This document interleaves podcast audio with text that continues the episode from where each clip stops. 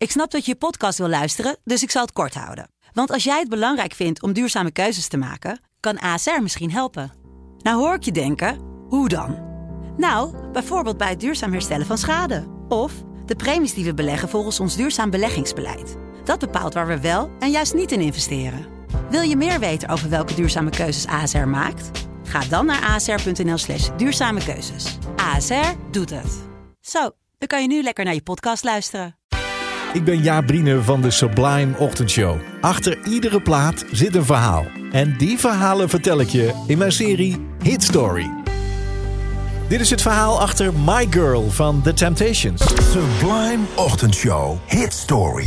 Verhalen achter de muziek. Vandaag neem ik je mee naar Detroit. In de jaren 60 naar Hitsville, USA. Dat was de naam van de studio van Motown. Platenlabel van baas Barry Gordy was ontworpen om hits te maken. Aan de lopende band. Zo had hij het ook geleerd in de auto-industrie. Hij had zijn eigen hitfabriek ook echt ingericht als een lopende band. Dus hij had een productielijn met talentenjagers, liedjeschrijvers, muzikanten, achtergrondzangers, producers, arrangeurs. Maar ook choreografen, stylisten. En natuurlijk de artiesten. Die gingen die hele productielijn langs. Naar liedjeschrijvers, naar muzikanten, et cetera. Elke vrijdagochtend was het gebruik bij Motown. Dan kwamen de schrijvers en de producers op kantoor bij Barry om te laten horen waar ze dan mee bezig waren geweest. En om dan uiteindelijk gezamenlijk, nou eigenlijk vooral Barry deed dat dan... te bepalen wat er zou worden uitgebracht. En Barry had eigenlijk iedere keer maar één vraag voor zijn ploeg.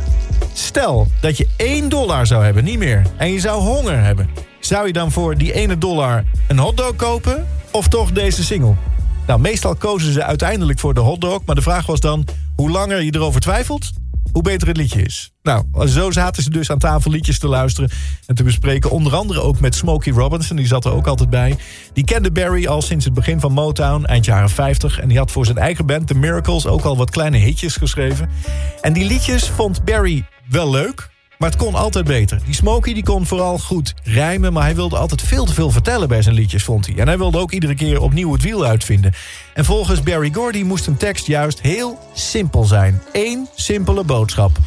Nou, die Barry had wel een zwak voor liefdesliedjes... dus dat, dat was waar Smokey mee aan het werk ging begin 1964. Oké, een heel simpel liedje en een liefdesliedje. Dat werd uiteindelijk My Guy. Een dikke nummer 1 hit werd het ook voor Mary Wells. Nou, hey, succesformule. Liefdesliedjes, simpele tekst. Oké, dan ga ik nu aan de slag met een liedje over een meisje. Dan noem ik het niet My Guy, dan noem ik het My Girl. En dan wordt het niet specifiek over zijn eigen vrouw trouwens... maar geschreven, zo zei hij later, voor alle vrouwen van de wereld. Een zonnig en optimistisch liedje moet het worden.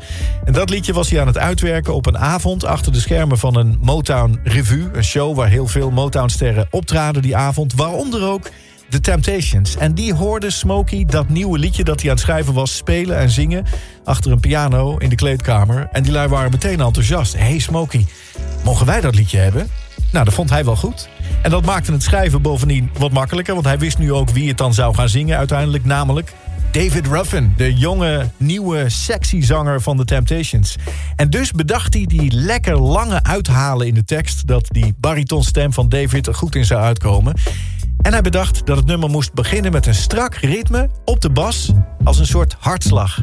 En de titel mocht ook gewoon lekker simpel blijven, bedacht Smokey. Hij noemde het My Girl. Christmas.